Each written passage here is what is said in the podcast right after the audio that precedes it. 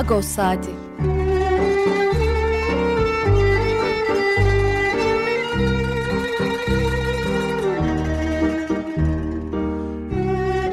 Haftalık Agos gazetesinin penceresinden Türkiye ve dünya gündemi. Agos'un mutfağından haberler, söyleşiler, olaylar.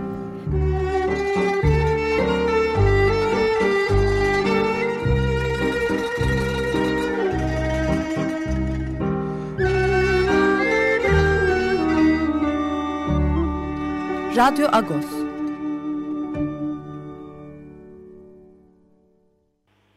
Radyo Agos'tan günaydın Parilus.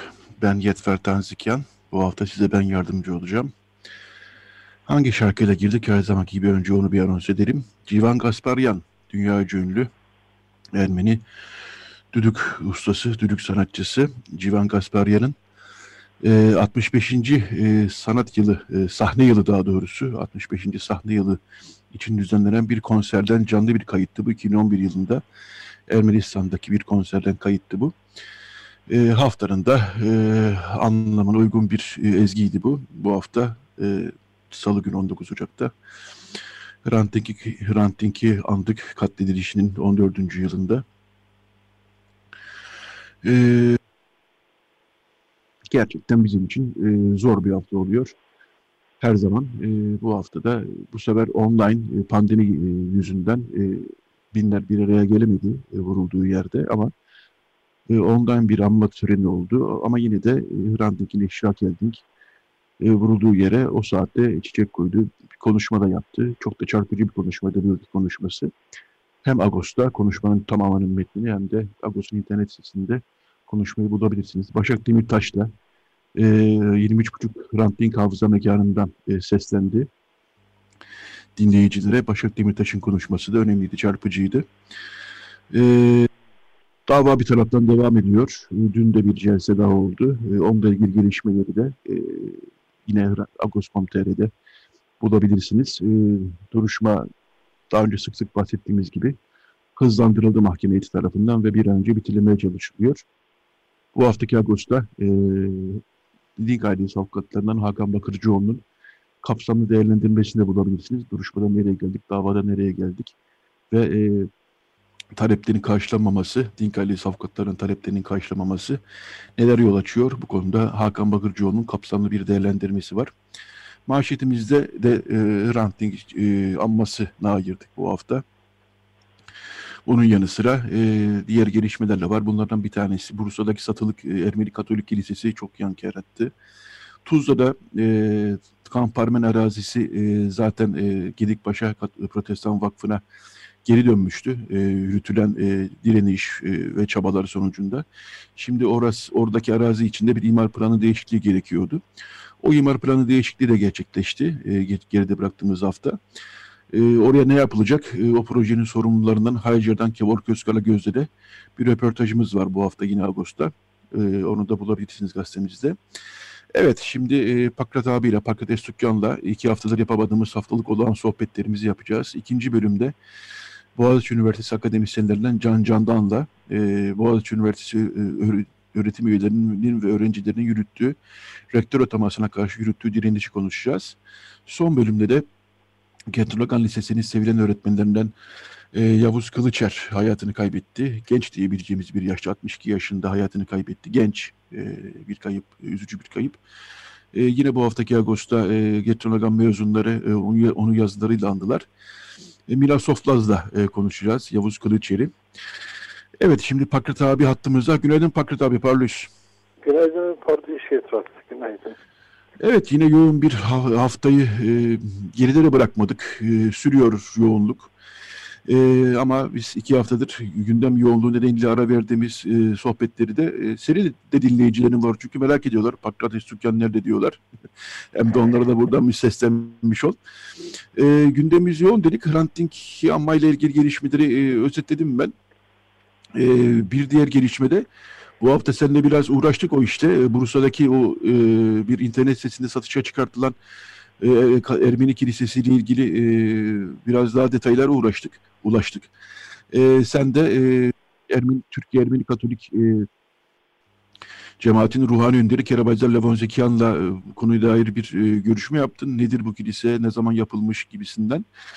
E, Zekiyan'ın, e, Kerabayzar Zekiyan'ın da açıklamaları vardı. E, gazetede yer verdik bunları. İstersen onunla başlayalım, ne dersin?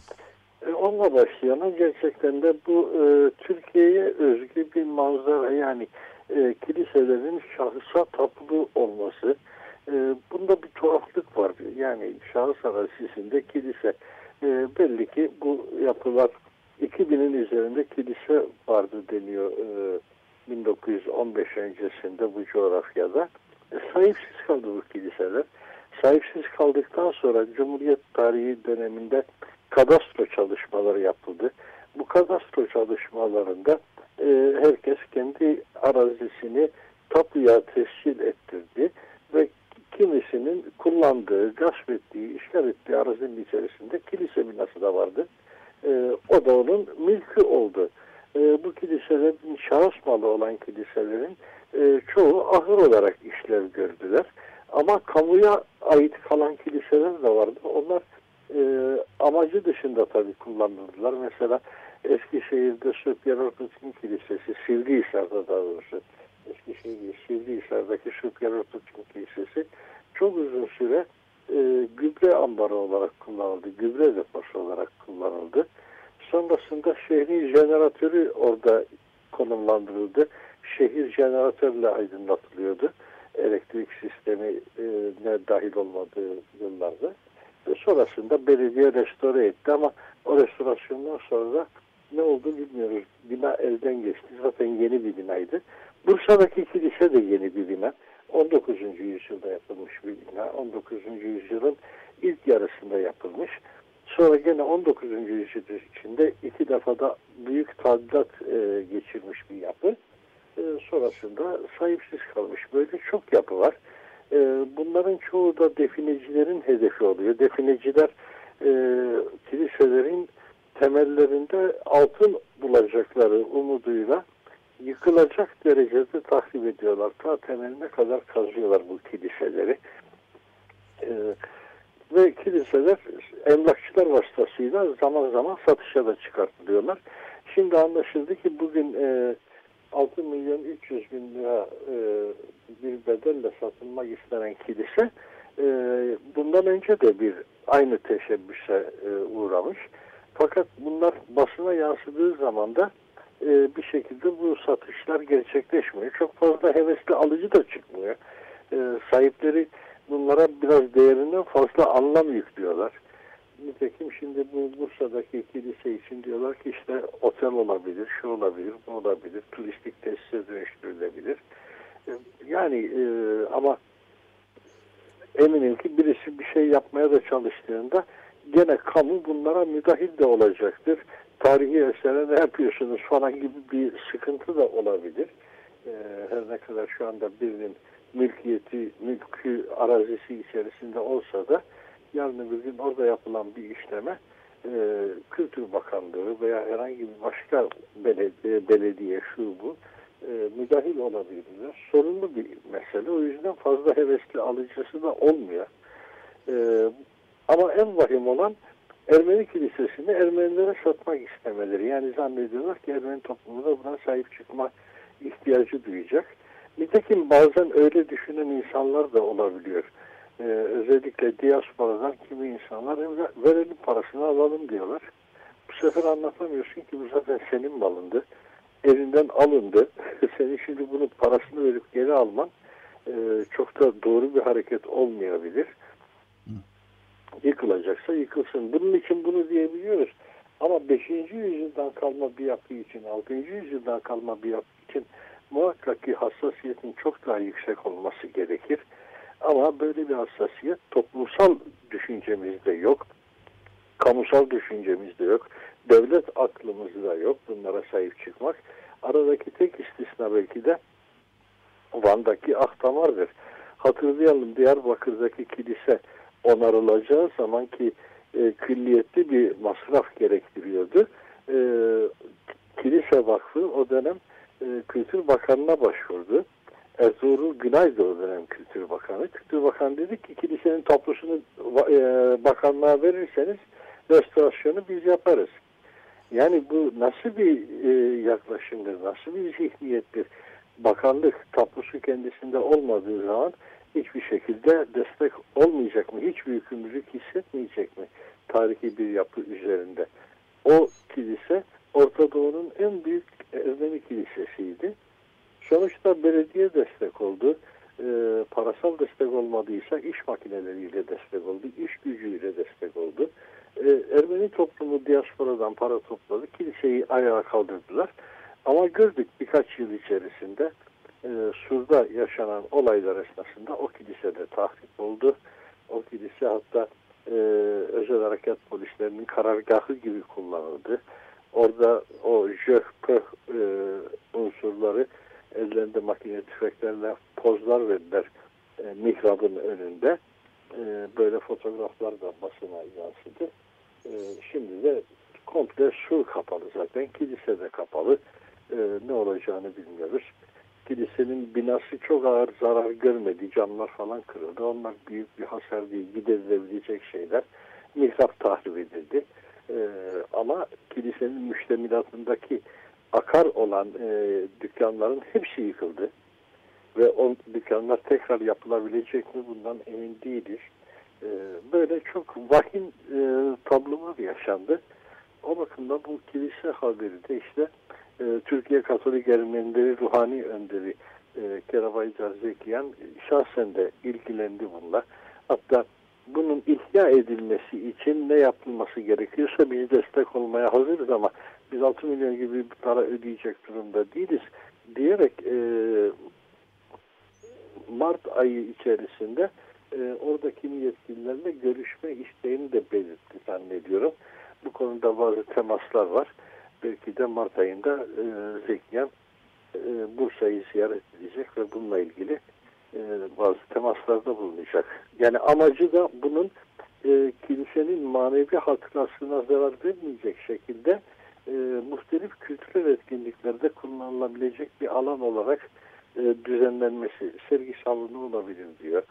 Klasik müzik konserleri için konser salonu olarak kullanılabilir diyor.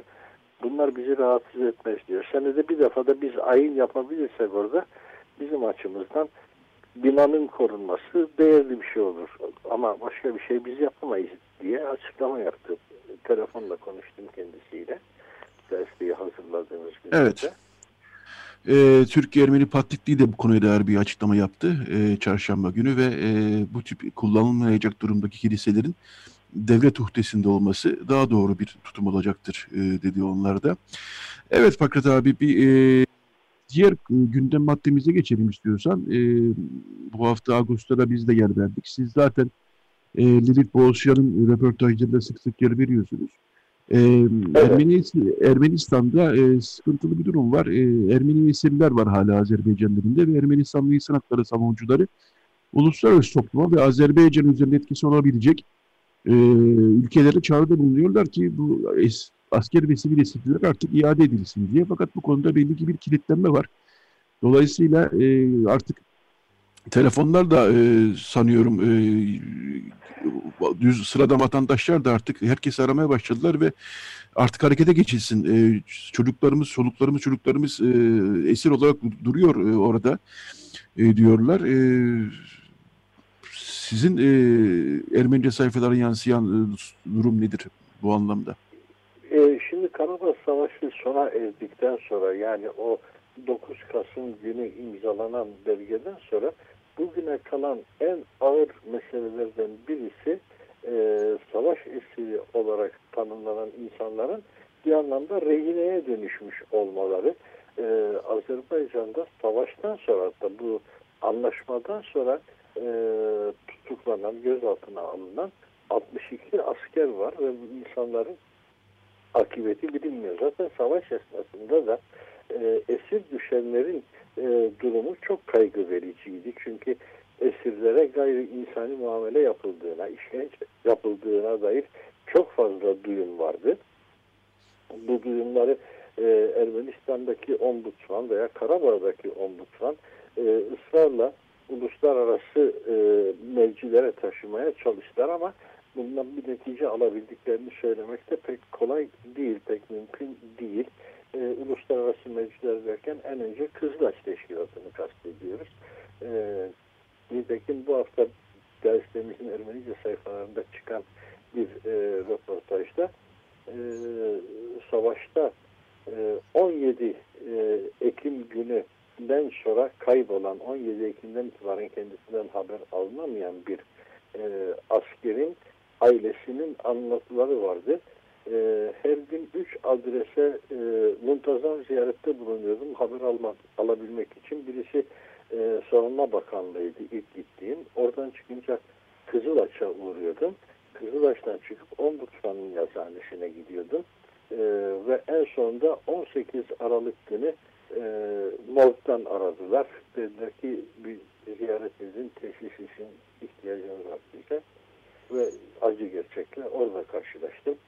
Yani böyle e, savaşta kayıp durumuna düşen insanlar var. Bunlar hakkında halen doğru düz bilgi alınamıyor.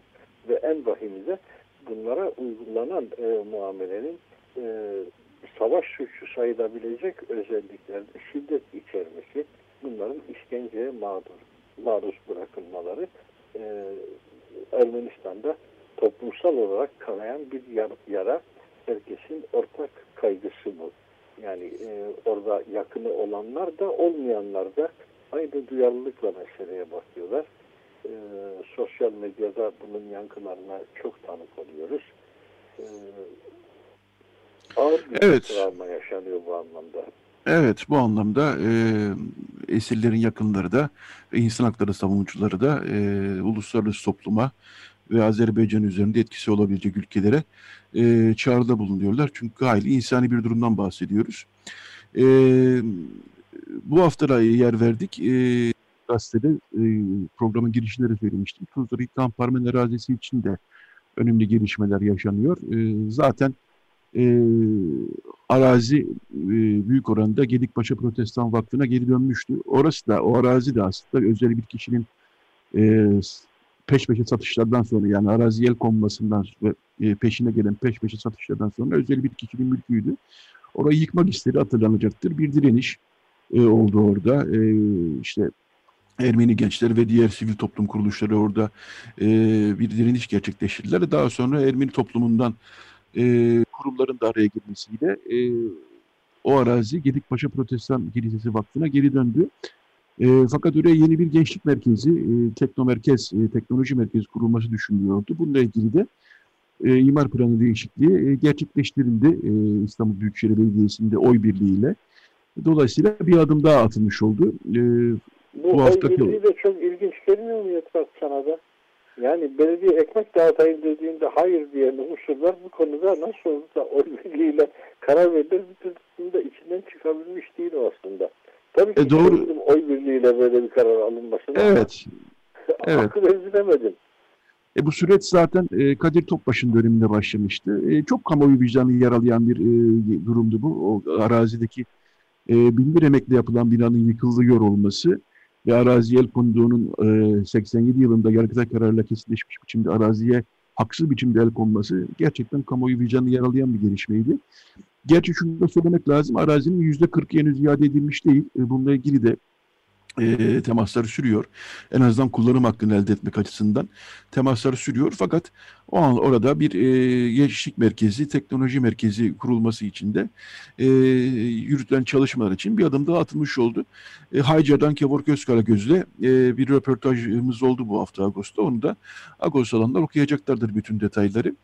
E, bir gelişmeden daha bahsetmek lazım. Dün akşam e, onu da gördük. E, tekrar Türkiye gündemine döneceğim. Gezi davası. Ee, Osman Kavala ve Osman Kavala ile birlikte yargılanan e, birçok isim e, beraat etmişlerdi e, bu gezi davasında. Daha sonra Osman Kavala için yeni suçlamalar yaratıldı ve Kavala hala hapiste tutuluyor ama şimdi bu sefer beraat kararı istinaf mahkemesine gitti ve istinaf mahkemesi Kavala'nın da içinde olduğu 9 kişi için bunların içinde Can Atalay var, Mücella Yapıcı var, Yiğit Aksakoğlu var. 9 kişi için var. Çiğdem Matırutku var e, Hrant arkadaşlarından. E, 9 kişi için beraat kararı bozuldu. Yani dava baştan görülecek.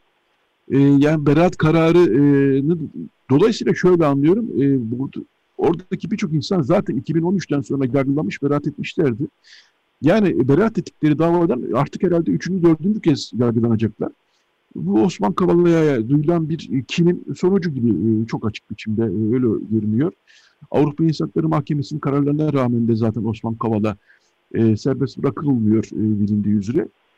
Dolayısıyla bu Osman Kavala ile ilgili bir e, kendi kafalarındaki prosedürün bir sonucu gibi gözüküyor. E, açıkçası e, bu da kamuoyu vicdanlarını artık hayli yaralayan, e, öyle böyle değil, hayli yaralayan bir uygulama haline geldi. Hafta içi Adalet Bakanı Gül'ün de yargı e, sosyal medyadan talimat almaz e, açıklamasını düşündüğümüzde peki o zaman nereden talimat alıyor diye bir soru da insanın aklına takılıyor. Evet bu konuyu da e, buradan bir gündeme getirmiş olduk. E, Paket abi bu haftalık olan sohbetimizin herhalde sonuna geldik. E, bu bölüm için ayrılan e, e, bu, bu konu ama aslında hakikaten çok önemli. Çünkü e, tam da hükümetin e, daha doğrusu Cumhurbaşkanı Erdoğan'ın yargıda reform e, terennüm ettiği bir döneme denk geldi bu. E, nasıl bir reform olacağına dair de fikir mi veriyor diyeceğiz. Bir yandan Avrupa'dan jest bekliyorlar. Türkiye'den bir jest bekliyoruz diyorlar. Türkiye'de ise tam da buna karşılık gelecek anlamda böyle bir e, tuhaflıklar oluyor. E, kapanmış bir davayı yeniden gündeme getiriyorlar. E, Türkiye ama bunu ilk defa da yapmıyor. Şu anda e, Osman Kavala'nın e, tekrar içeride tutulmasının gerekçesi de bu. Biz yeni kanıtlar bulduk. Onun için dava yeniden görülsün diye e, ortaya çıkıldı. Ama hangi kanıt bulundu, hangi iddianame o da daha şekillenemedi bir türlü. E, bu şartlarda şimdi Nisan ayında galiba tekrar bir yargılama süreci başlayacak. Yani senin sorduğun soru çok e, anlamlı. Hakikaten de e, nereden talimat alınıyor bütün bu tuhaflıklara imza atmak için bütün bu tuhaflıkları hayata geçirmek için bu soru evet. can alıcı bir soru elimizde de duruyor. Evet, yargıda reform dolayısıyla tüm hızıyla sürüyor e, tırnak içinde diyebiliriz.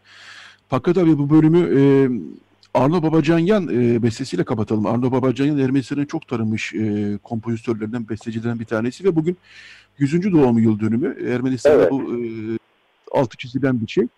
E, onda tanınmış piyanist Armen Babacan, e, Babahanyan'ın e, bir e, performansıyla e, seraplamış olalım. Evet şimdi bir Arno Babacanyan bestesi dinliyoruz. Çok teşekkürler Pakrat abi. Yayına Rica ederim. İyi yayınlar. Ben izlemedeyim zaten. Dinlemedeyim evet. daha doğrusu. Şimdi bir e, şarkı arası daha sonra bir reklam daha sonra Radyo Agos devam edecek. Evet. E, Radyo Agos devam ediyor. Ne dinledik? E, Gerard Vokal Topluluğu.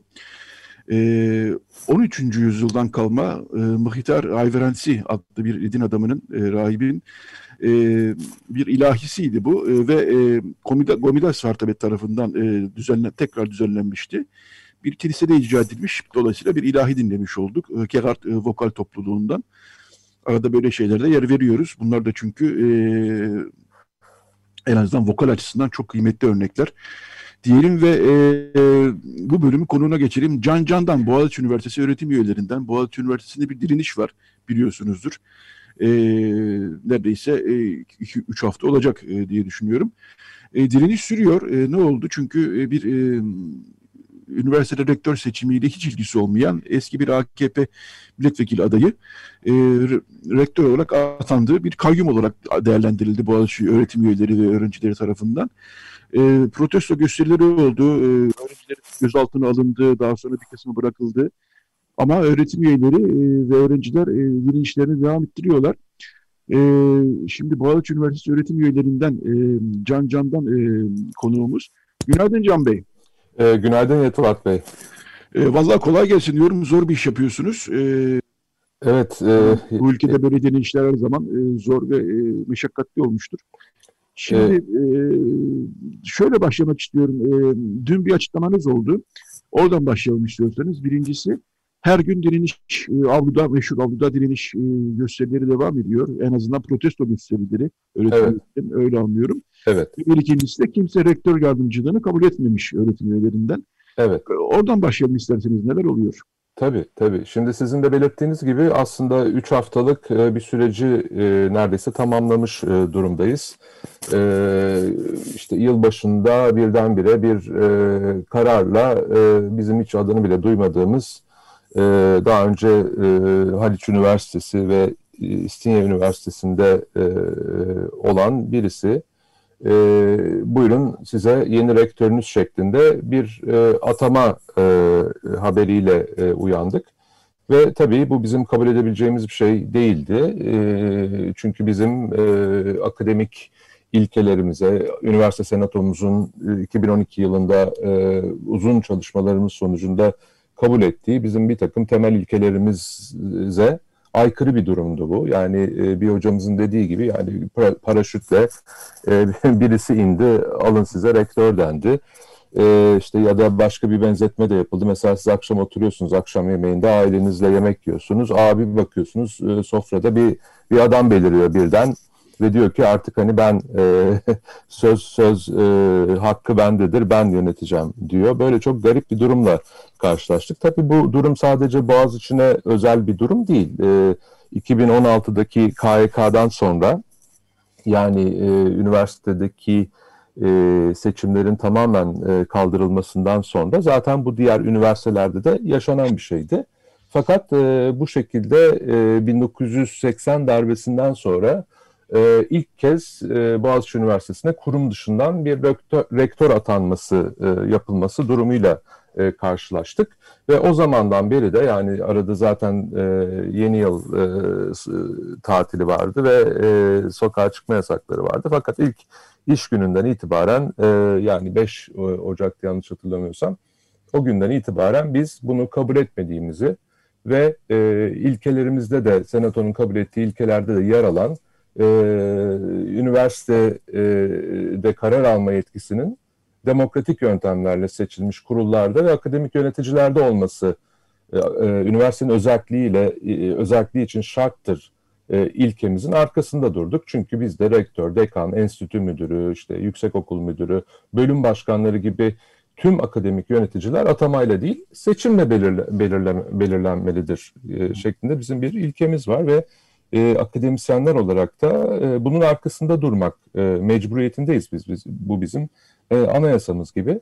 Dolayısıyla e, bizim bu bahsettiğiniz öğlen nöbetlerimiz yani o gün kampüste bulunan e, akademisyen e, arkadaşların, öğretim üyelerinin e, cübbelerini giyerek e, orta alan dediğimiz, orta meydan dediğimiz Güney Kampüs'teki alanda sırtlarını rektörlük binasına dönerek e, sessiz bir e, protesto eylemi e, gerçekleşiyor.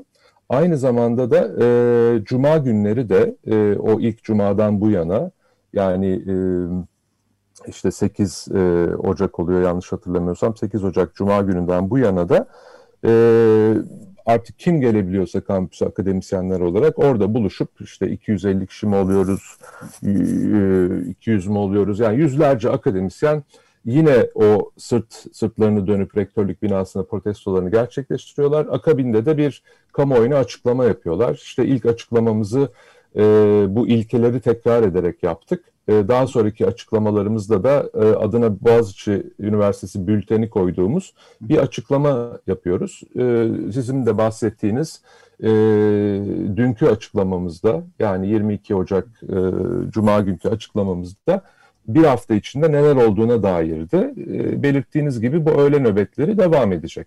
E, rektörlük binasının önüne gidebilen akademisyenler e, pazartesi, salı, çarşamba, perşembe günlerinde e, ve daha da geniş bir katılımla da cuma günleri bu nöbetimize devam edeceğiz.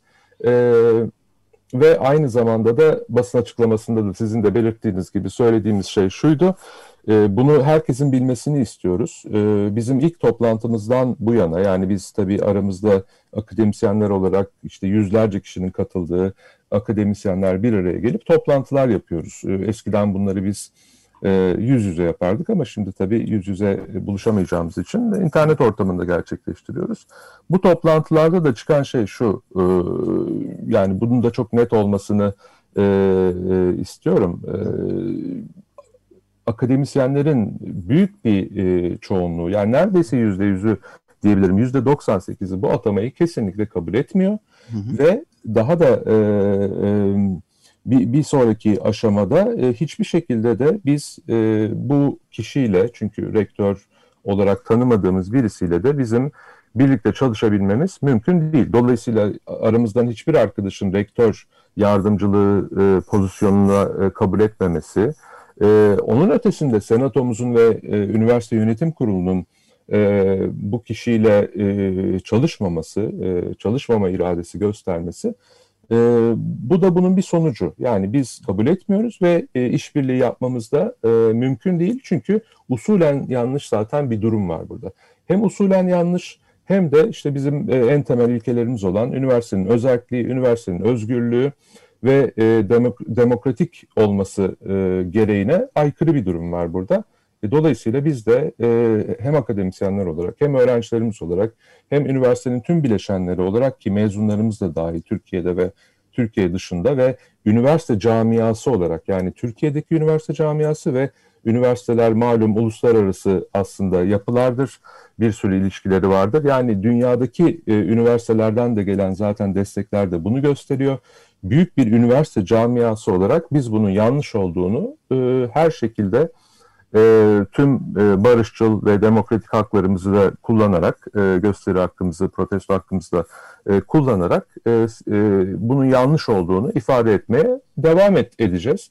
E, buna da mecburuz. Yani bizim akademisyenliğin tanımı da zaten bizim anladığımız haliyle böyle bir şey. Evet, e, bir tatsız gelişme e, de dünkü açıklamanıza yansıdı. ODTÜ'de e, Boğaziçi direnişine destek veren e, asistanların sanıyorum Evet. E, görevlerine son verilmiş. Evet. E, onu evet. Bundan alalım istiyorsanız. Tabii. Ya, yani şimdi bize tabii bize gelen e, destek e, eylemlerinin ne yapılan müthiş bir baskı var. Yani e, ODTÜ'de olsun, işte e, geçen gün Koç Üniversitesi'nde olsun e, büyük bir e, e, polis e, varlığı e, gerçekleşiyor bu tür destek e, eylemlerinde ve e, bunların bazılarında da e, e, işte Boğaziçi'nde örneğin böyle bir şey oldu bildiğiniz gibi bir e, ufak bir arbede yaşandı ve arbedenin e, sonucunda gözaltına alınan öğrenciler oldu. Orada sonra onlar serbest bırakıldı. Daha sonra e, bir sonraki gün işte şafak baskınlarıyla e, çok e, hepimizi bu ülkede rahatsız edecek e, öğrencilerin evleri basıldı, işte ailelerine silahlar doğrultuldu öğrenciler gözaltına alındı, gözaltında bir takım kötü muamelelere maruz bırakıldılar. Ee, daha sonra işte belli bir gün geçtikten sonra da hakim karşısına çıkarıldılar ve e, hepsi yargılanmak üzere, e, çoğu daha doğrusu yargılanmak üzere serbest bırakıldı.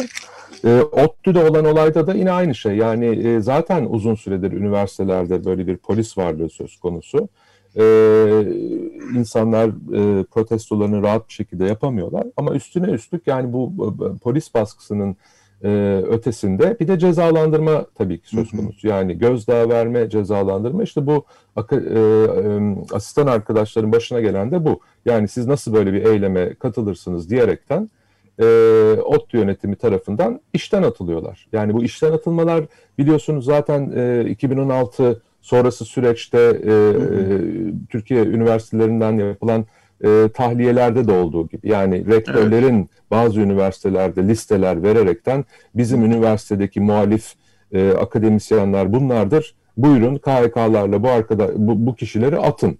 Yani e, zaten yüzlerce akademisyen e, bu şekilde e, işini gücünü kaybetti. Yani o zaman e, başlayan bu yaftalamalar e, ve e, e, muhalif e, e, akademisyenlere e, saldırılar ve daha sonra da e, bu şekilde cezalandırmalar aslında bunlar hani sürmekte olan e, bir bir sürecin e, parçaları. Son olarak da e, ODTÜ'deki evet.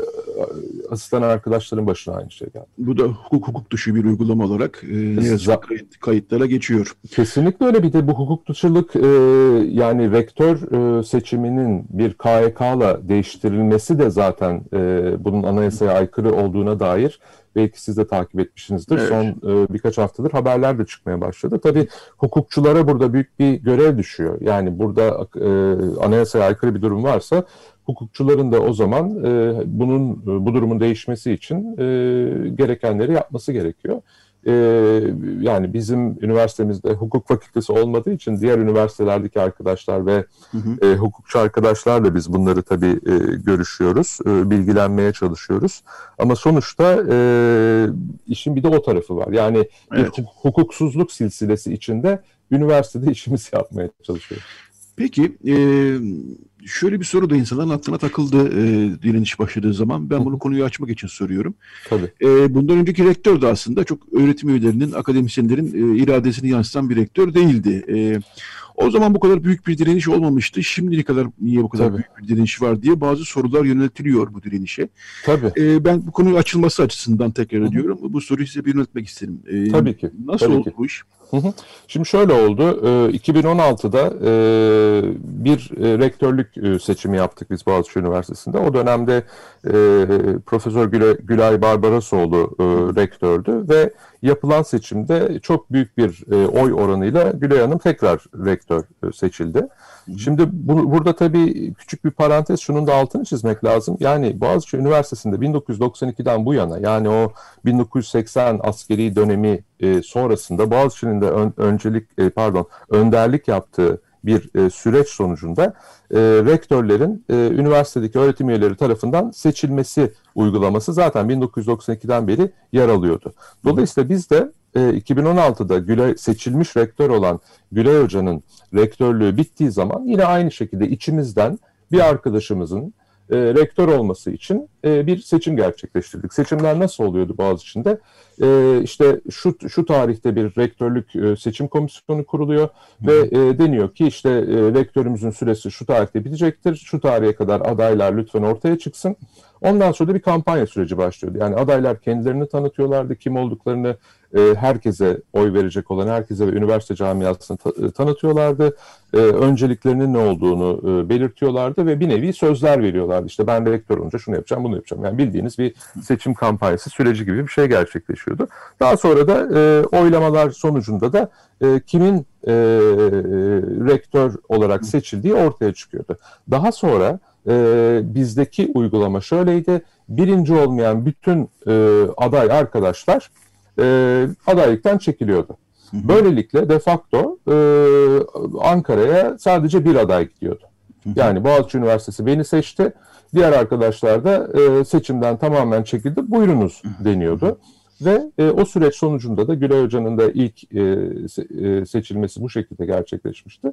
E, o kişi atanıyordu. Yani e, sonuçta e, ne kadar onay merci yine Ankara olsa bile biz kendimiz seçiyorduk. Şimdi 2016'da şöyle bir şey geldi başımıza. E, biz Gülay Hoca'yı büyük bir e, oy oranıyla seçtik. Gülay Hoca'yı Ankara'ya yolladık. Diğer arkadaşlar e, yarıştan e, yani çekilmelerini talep ettik. O dönemde herkes çekildi mi ondan da emin değilim ama e, yine de Gülay Hoca'nın biz e, seçilmiş rektör olarak atanmasını e, istiyorduk ve talep ediyorduk.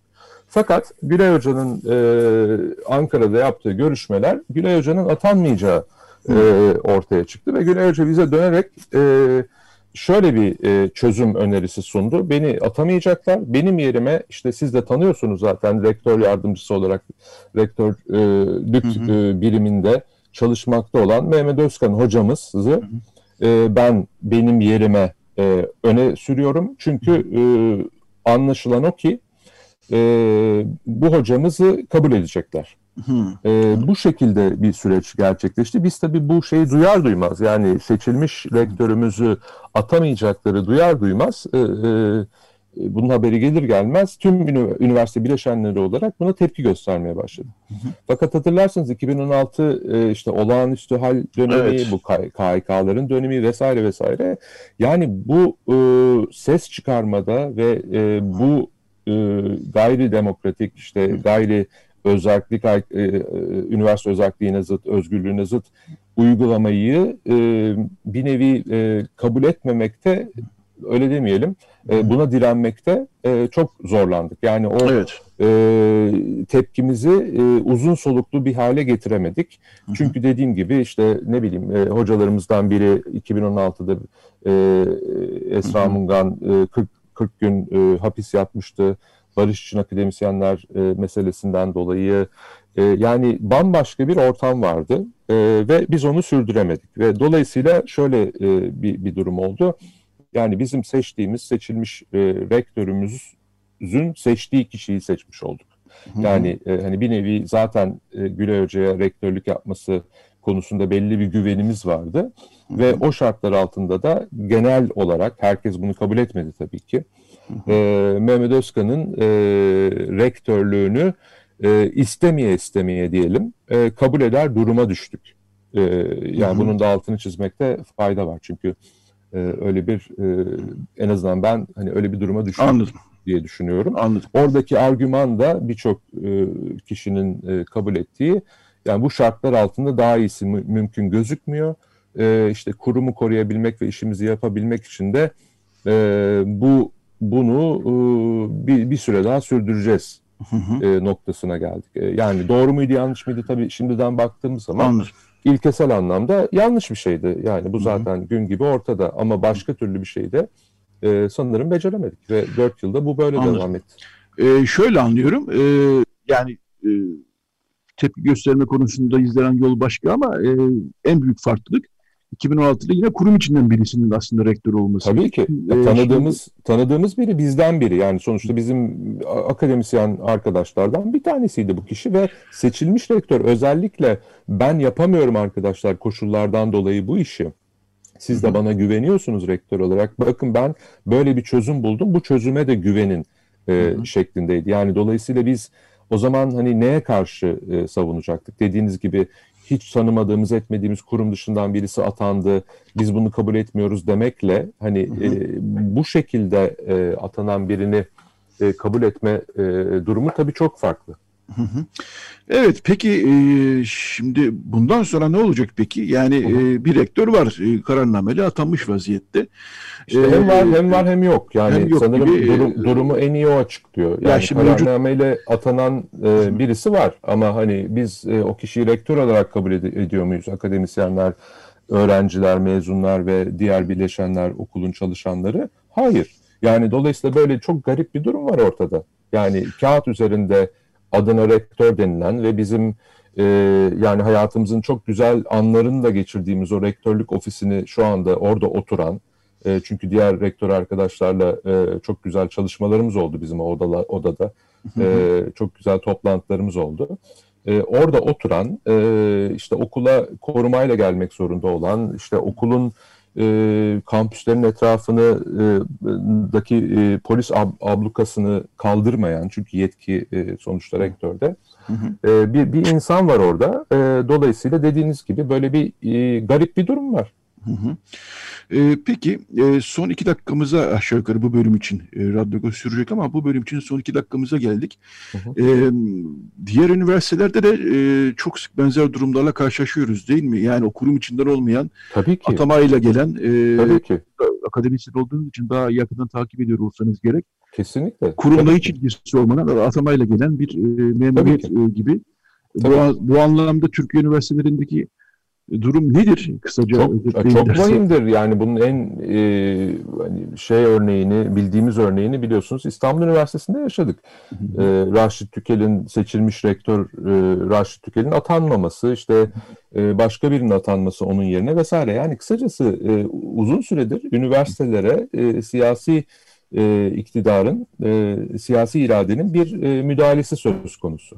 E, yani kendi e, siyasi görüşlerine yakın, e, kendi e, talimatlarını e, uygulatabilecekleri e, bir takım memurları diyelim, e, yani akademik titirleri ne olursa olsun e, atayıp üniversiteleri kontrol altına almak e, gibi bir uygulama söz konusu. E, ve bu da zaten üniversite denen şeye tamamen zıt e, bir durum yaratıyor. Yani biz bunu e, gayet net zaten e, kendi e, e, senatomuzun kabul ettiği bu 2012 ilkelerinde çok net ortaya koymuştuk. Onun o ilkelerden bir tanesi şuydu, şudur, hala geçerli. Üniversitelerin herhangi bir kişi ya da kuruluşun etki veya baskısına maruz kalmaması ve siyaset aracı olarak kullanılmaması bilimsel ve toplumsal gelişim açısından vazgeçilmezdir. Bu bizim ilkemiz ve bu sadece Boğaziçi'nin ilkesi olamaz ki. Tüm üniversitelerin ilkesi bu. Dediğiniz gibi bu e, sürekli ihlal edilen bir şey. Akademik e, üniversitenin özelliği, özgürlüğü ve e, üniversitenin demokratik bir ortam olması ve dolayısıyla da e, yöneticilerini seçimle demokratik bir şekilde seçmesi sürekli ihlal ediliyor. E, bu Türkiye üniversitelerinin kanayan bir yarası. Yani ilk defa böyle boğaz içinde bir anda bir yara e, açılıp da kanamaya başlamadı. Yıllardır e, kanayan bir yara bu. Dolayısıyla bu mesele sadece boğaz için ilgilendiren bir mesele değil. Bütün Türkiye'yi ilgilendiren bir mesele, bütün üniversiteleri ilgilendiren bir mesele ve bütün vatandaşları ilgilendiren bir mesele. Çünkü e, sonuçta e, üniversite bir toplumda çok önemli bir kurum ve milyonlarca insan e, her yıl Türkiye'de bu üniversite denilen şeyin e, içine girebilmek için çok ciddi maddi manevi e, emek sarf ediyor. E şimdi e, bizim buradaki e, yapmamız gereken bu üniversiteleri daha da iyi yapmak, daha da özgür yapmak, daha da demokratik, daha da özel yapmak, kalitesini yükseltmek. Şimdi Boğaziçi gibi bir kurumun hani e, yani e, böyle bir zarar e, görmesi, böyle bir zarar verilmesi Boğaziçi gibi bir kuruma ve tüm üniversitelere bu hiçbir şekilde kabul edilebilecek bir şey değil. Çok vahim evet. kanayan bir yara. Evet. Dolayısıyla bizim bunu çözmemiz gerekiyor hep birlikte. Evet. Peki e, bu bölümün sonuna geldik. E, çok teşekkür ediyorum. Boğaziçi Üniversitesi akademisyenlerinden Can Candan konuğumuzdu. E, kolaylıklar diliyorum size. Zor, e, meşakkatli bir e, yolun içerisindesiniz. Umarım e, bu üniversiteler daha da özgür olur e, bütün bu mücadele sonucunda. Size e, iyi bir hafta sonu diliyorum. Tekrar teşekkür ediyorum yayına katıldığınız Ben çok teşekkür ediyorum. İyi yayınlar diliyorum. Sağ olun. Hoşçakalın. Sağ olun. Evet şimdi e, bir reklam aramız olacak. Saat 10 oldu. E, o reklam arasından sonra e, bir e, caz şarkısı dinleyeceğiz. Ermenistan Devlet e, Caz Orkestrası'ndan. Daha sonra da Mina Soflas Getirnagan mevzunlarından.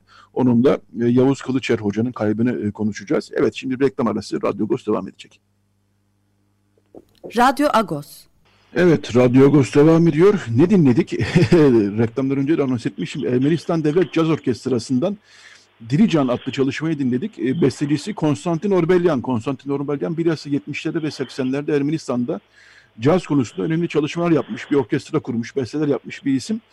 Evet, şimdi e, Radyo Gos'un bu bölümünde e, geçtiğimiz hafta kaybettiğimiz Gettonada'nın çok sevilen hocalarından Yavuz Kılıçeri e, anacağız. E, onu da Mina Soflaz'la anacağız. E, Mina Soflaz 79 mezunlarından 79 1979 mezunlarından e, Miras Okmaz'ın e, hukuku e, ve arkadaşlığı e, mezuniyet sonrasına dayanıyor aslında. Günaydın Miras Bey. Günaydın Parilus. Parilus. Evet, e, bu hafta Ağustos'ta e, güzel bir sayfa oldu. E, Yavuz Bey yakışır bir sayfa oldu. E, mezunlar, Hayko Cepkin de var aralarında. E, birkaç satırlar olsa, e, kimi daha uzun, kimi daha kısa. E, öğretmen Silva Kuyumcu'nun da, pardon, e, Getronagan Müdürü Silva Kuyumcu'nun da tabii çabalarıyla, onu da e, hatırlamak lazım. E, önemli, güzel bir sayfa oldu. Siz de o sayfada e, bir yazıyla katkıda bulunmuştunuz. Ama sizin e, hukukunuz bayağı köklü. E, o yüzden sizle bir bağlanalım dedik. Siz e, Yavuz Hoca ile e, sanıyorum akademi tanıştınız. Yani mezuniyet sonrası tanıştınız diye biliyorum. Doğru mu?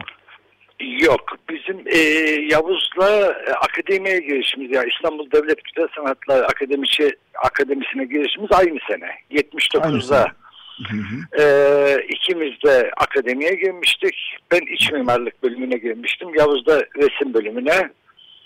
E, ama biz e, akademide bizim işte 79 yılında birinci sınıfta temel sanat eğitimi diye bir ders alıyorduk. Ve bütün bölümler yani resim, seramik, heykel, e, iç mimarlık, e, sahne görüntü sanatları bunu bütün öğrenciler aynı bir aynı atölyede ders yapıyorduk. Birinci sınıftaki dersimiz temel sanat eğitimiydi. E, 79'da başladı. Bir, benim de Yavuz'un da liseden bir halk oyunları geçmişimiz vardı. Dolayısıyla akademide de halk oyunları kulübünde buluştuk. Hı hı. Benim hikayem böyle başladı Yavuz'da yani. Anladım. Şimdi Yavuz Kılıçer e, Yetunagan'da resim öğretmenliği yapıyordu ama aynı zamanda bir ressamdı. E, evet. Ve e, şu şöyle bir özelliği var yani öğretmen e, öğrenciler tarafından çok sevilmesinin yanı sıra e, aynı zamanda e, Ermeni kiliselerinde yıpranmış tabloları da e, onaran e, ve e, o konuda çaba gösteren birisiydi ve o zamanın Patlı İşinok Kalusçı'nın da e, önünü açmasıyla, kendisine yönlendirmesiyle e, böyle çalışmaları da olmuştu. E, öyle biliyorum ben. Siz e, daha çok konuyu e, daha yakından bilen isimlerden bir tanesisiniz. E, hatta bu iş ilk olarak Kumkapı Kilisesi de başlıyor galiba değil mi? Onu bir başlayın. Şöyle 85 yılında Kumkapı Meryem Ana Kilisesi'nde bir tamirat başlamıştı. Babam da orada yöneticiydi. Hı hı. Ben de arada bir gidip e, şeye bakıyordum, e, duruma bakıyordum. E, bir gittiğimde baktım bütün resimler bir odaya toplanmıştı. Kiliseyi boyuyorlar. İşte badanası, yağlı boyası gibi. Hı hı. Ben de o zaman yöneticilere şey söyledim. Yani e, kiliseyi boyuyorsunuz, yeniliyorsunuz ama bu tablolar harap halde. Ve bu, bu kiliselerin tarihini de bu tabloların üstünde, üstlerinde tarih var. Yani tarihi bunlar bel belirliyor aslında sizin yaptığınız boya badana değil. Bunların elden geçmesi lazım, bunların korunması lazım demiştim. Onlar da e, Patrick Şenol Kaluslar'ın izin vermeyeceğini söylemişlerdi. Ben de o zaman e, siz ekonomik kısmını hallederseniz ben Patrick'ten izin alırım dedim. Ve e, bir gün Patrick Şenol Kalusyan'a e, bu tabloların tamir edilmesi, elden geçirilmesi, temizlenmesi gerektiğini söyledim ve kabul etti. Hı hı. E benim de e, Yavuz Yegane arkadaşımdı. Hı hı. Yavuz'dan rica ettim ve Yavuz öyle başladı e, kilisedeki tamiratlara. Hı hı. E, daha sonra da e, işte evet. Kumkapı'yla başladı, Beşiktaş oldu, işte Kartal oldu, üç, Beyoğlu 3 oranı oldu. Yani ilk ilk zamanla Yavuz e, Yavuz'a ulaşmak için benle bağlantı kuruyorlardı ama daha sonra zaten Yavuz'a Yavuz'a herkes ulaşabiliyordu. Kim tamirata giriyorsa bir şekilde Yavuz'u bulup Yavuz'a e, işi başlattırıyordu. Hı hı. Ee, sizin bu haftaki Ağustos'taki yazınızda şöyle hoş bir anekdot da var. Bu tamiratları sürerken Fatih Kalusçı'nın da e, tabloların e, muhteviyatı e, taşıdığı anlam ve tarihi hakkında da e, detaylar, bilgiler verdiğini e, söylüyorsunuz. E, öyle mi oluyordu gerçekten? Şöyle, Doğru mu e, Yavuz tamirata başladığında işte zaten e, tam Patrikhane'nin karşısındaki bir kiliseden bahsediyoruz. Patrik e, Kalusyan da e, zaman zaman inşaata gelip e, kontrol ediyordu ki ne yapılıyor, ne ediyor. O zaman Yavuz'un yanına uğradı hatta. İşte Yavuz'un o sırada çalıştığı resim hakkında bilgi verdi. İşte hangi azile aittir, neyi e, imgeliyor, elindeki kitap nedir, duruş pozisyonu nedir, onunla ilgili bilgiler verildi. Tabii Yavuz o sırada da şeye de başlamıştı. E, Ermenice harfleri tek tek sökmeye de başlamıştı. E, çünkü bazen öyle bir resim geliyordu ki karşısına o resmin başka bir kilisedeki resimle kıyaslaması gerekiyordu. E, harfleri çözmesi gerekiyordu ki kimin imzasıdır, bu E, sanatçısı kimdir, başka bir yerde bunun örneği var mı? Bazı resimler vardı, resmin altı çürümüş, suyun içinde bırakılmış, e, çürümüş, gitmiş, imzası yok olmuştu. Böyle e, sohbetler oluyordu. Hatta biz yine o kum kapıda çalışırken son işte 3 ay falan sürdü oradaki tamirat. Hı hı. E, sonlarına doğru kum kapı dışındaki kiliseden bir tane tablo geldi. Tablo tam böyle kilisenin içinde mum yakılan yere konulan bir tabloydu. Hı hı. Yaklaşık işte e, 40'a 60 ebatlarında bir tabloydu. Hı hı. Tablonun da dörtte biri yanmış vaziyetteydi. Tam mumların önünde olduğu için alttan yanmış ve şey yok. Desenin devamı da belli değil. O Yavuz'a tamir etmesi için getirdiklerinde Yavuz da Patrik e, Patri'ye danıştı. Başladı Patrik anlatmaya işte bu hangi hangi azizdi, bu yanan kısımda nelerin olması gerekiyor. Bunları anlattı Yavuz'a. Tabii Patrik e, Yozgat Türkçesiyle konuşuyor Yavuz'da bu sırada. Ee, Yavuz bunun üzerine gitti, kitapları araştırdı, ustaların e, buna benzer resimlerini, o Aziz'le ilgili yorumlarına, desenlerine baktı, inceledi. Bir altı e, ilave edilmesi gereken yerle ilgili bir eskiz çalışması yaptı ve ondan sonra tamiratı gerçekleştirdi zaten. Evet. Ee, sanıyorum e, Yavuz Kılıçer'in bir hayat hikayesine de bir kısaca göz atılmış. Sivaslıydı ve sizin sanıyorum anne tarafınızdan da hemşerisi hemşeri oluyor değil mi? Hatta dün telefonda konuşurken dediniz ki bize geldiği zaman beni bırakırdı annemle Sivas e, anılarını konuşurlardı dediniz. Sanıyorum öyle bir ürün de var. Evet, Yavuz'a yani. Evet. kısmı da oydu zaten. Ee, yani Yavuz benim sonuçta işte ben de 62 yaşındayım. E, 59 doğumluyum. Hayatımın üçte ikisi Yavuz'la birlikte geçmiş. Yani hı hı. 42 senesinin hayatımın 42 senesinde Yavuz var. Dolayısıyla hı hı. E, çok eski yıllardan beri Yavuz evimize de gelirdi. Yani anam, babam, kardeşim herkes Yavuz'u tanır, bilir. Hı hı. E, anam da e, Kangallı, Kangal'ın Mancılık köyünden, Yavuz da Kangal'ın Kayagücü köyünden.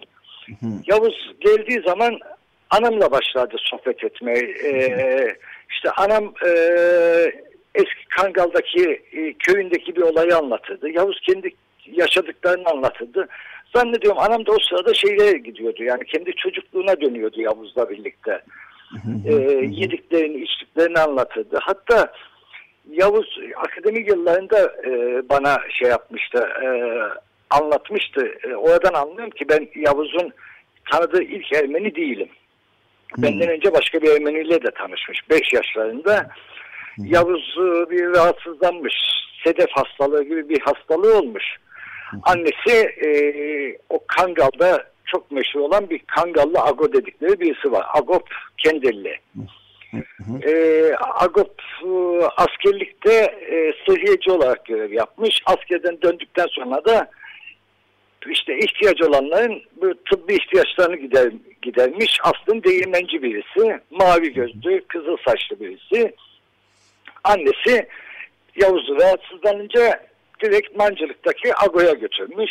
Hı hı. Ago muayene etmiş, e, teşhisini koymuş, tedavisini söylemiş. Ago da e, mavi gözlü, Yavuz da yeşil gözlü. Hı hı. Bunun üzerine Ago, e, Ago işte Yavuz'un annesine demiş ki bundan sonra oğlunun adı benim adım olsun demiş. Ve o günden sonra da Yavuz'a annesi Ago diye seslenmiş hep. Evet. Ee, güzel, ilginç, hoş bir hatıra.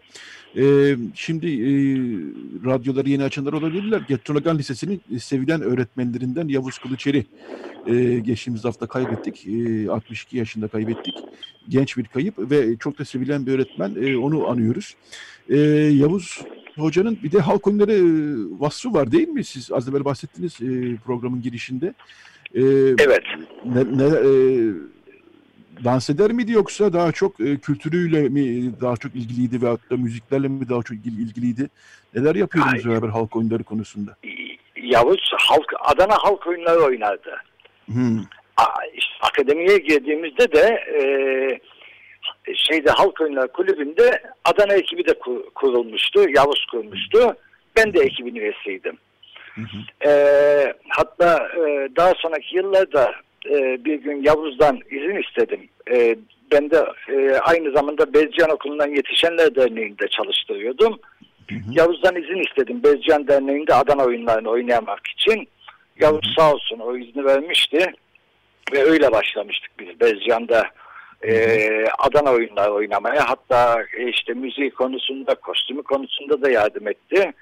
E, şeydi Yavuz Anadolu bir çocuktu. E, yani halk oyunları, halk efsaneleri hep içindeydi Yavuz'un. Yavuz e, çok e, çok değerli bir insandı aslında. Ben e, Yavuz'un öğrencilerini çok sevdiğini biliyordum. Çok seviyordu öğrencilerini. Yani işte sene içinde çeşitli vesilelerle e, yan yana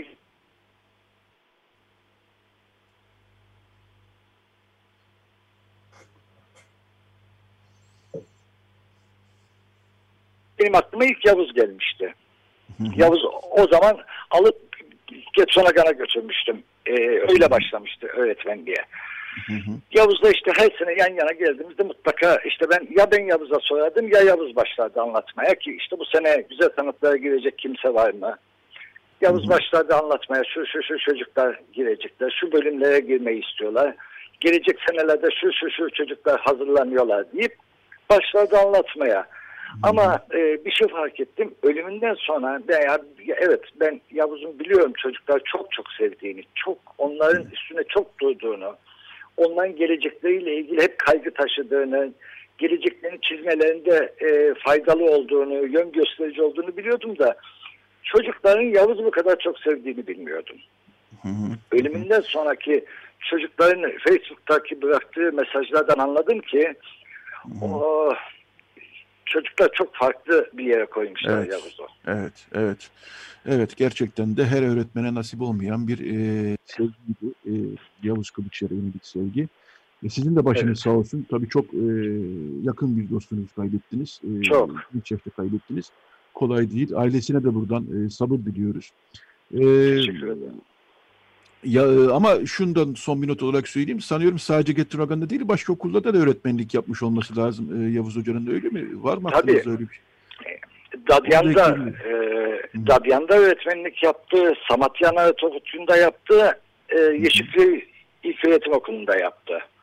Yani Yavuz'un bir, bir- bu, bu öğretmenlikle ilgili bir şeyini de anlat, yani bir gözlemini tabii. anlatmak isterim. Tabii ki, tabii ki. Dadyan'da öğretmenlik yapıyordu. E, kendi öğrencisi olmayan ama bir şekilde e, gelişimini takip ettiği bir e, bir arkadaşımız akademiden, resim bölümünden mezun oldu. İlk stajını da Yavuz'dan aldı. Yani stajını Yavuz kaldırdı onu. Daha sonra çalıştığı okuldan Yavuz e, görevini terk etti ki o öğretmen arkadaşa okulda kadro açılsın. Kendisi yoksa o okulda öğretmendi. O okuldaki görevini bıraktı ki o arkadaş e, hayata başlayabilsin, e, öğretmenlik için kadro alabilsin diye. Hı hı. Evet, evet. Biz de buradan kendisini rahmetle analım. E, Mina Soflas konuğumuzdu. Çok teşekkür ediyorum. E, Getunagan 79 mezunlarından e, Mina Soflas. Geçen hafta kaybettiğimiz e, Yavuz Kılıçer, e, öğretmen Yavuz Kılıçer'i e, andık beraber. Tekrar başınız sağ olsun diyorum. E, size kolay Ben gelsin teşekkür diyorum. Çok, ederim. çok teşekkürler Teşekkürler. katıldığınız için. Sağ olun. İyi. Teşekkür ederim. Teşekkür ederim. Sağ olun. Evet, böylece Radyo Agos'un sonuna geldik. Ee, bir hatırlatma daha yapayım bu haftaki Agos'a dair. Marmara İletişim Fakültesi'nin e, yine sevilen hocalarından Kayan Güven de hayatını kaybetti. Kayan Güven de derslerinde Gavur Mahallesi'ni mutlaka okutan, e, Ermeni Edebiyatı'nı Türkçe'ye çevrilmiş Ermeni Edebiyat eserlerini mutlaka okutan bir hocaydı. E, Kayan Güven hocayı da e, ana bir yazıyı Gül- öğrencilerden Güler Emektar'ın, Güler Emektar'ın yazısını bu haftaki Ağustos'ta bulabilirsiniz. Bu haftaki Ağustos ayrıca aşı tartışmalarına daha ilgili de e, kapsamlı bir röportajımız var. E, bu ailelerden e, her zaman söylediğim gibi e, ulaşabilirsiniz. A- Ağustos her zaman olduğu gibi bu haftada dop dolu diyoruz. Ve evet e, Radyo Ağustos'un sonuna geldik. Küçük bir hatırlatma yapacağım. Hrant Dink yanma toplantıları internet üzerinden devam ediyor. Bu akşam saat 21'de e, Rakel Dink'in, Baskın Oran'ın, Taner Akçam'ın ve Ohanes Kılıçdağ'ın e, katılacağı bir e, etkinlik var e, in- internet üzerinden saat 21'de. Etkinliğe katılmak isteyenler e, gurbetsohbetleri.gmail.com e, adresine mail atabilirler. E, gurbetsohbetleri.gmail.com adres zaten bu haftaki Ağustos'ta e, açık olarak yazılmış biçimde e, internet sitemizde de var. Evet, e, sonuna geldik. Bir şarkıyla veda edeceğiz. Recide e, Feryal Kabil bize yardımcı oldu. Kapanışı da geçen hafta çalmıştık. Voba'dan e, hemşince e, e, müzik yapan Voba grubundan bir şarkıyla yapalım. Voba'dan Gelini şarkısını dinliyoruz. E, Hemşire İzmir albümünden bir şarkı bu. E, herkese iyi bir hafta sonu diyorum. Haftaya yeni bir Radyo Agos'ta buluşmak üzere. Evet, şimdi Voba'yı dinliyoruz.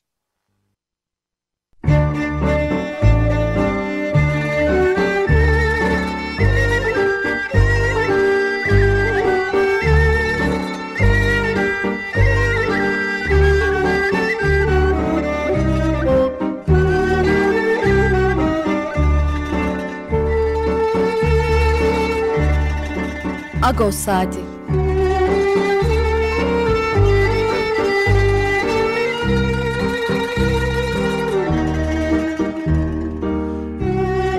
Haftalık Agos gazetesinin penceresinden Türkiye ve dünya gündemi. Agos'un mutfağından haberler, söyleşiler, olaylar.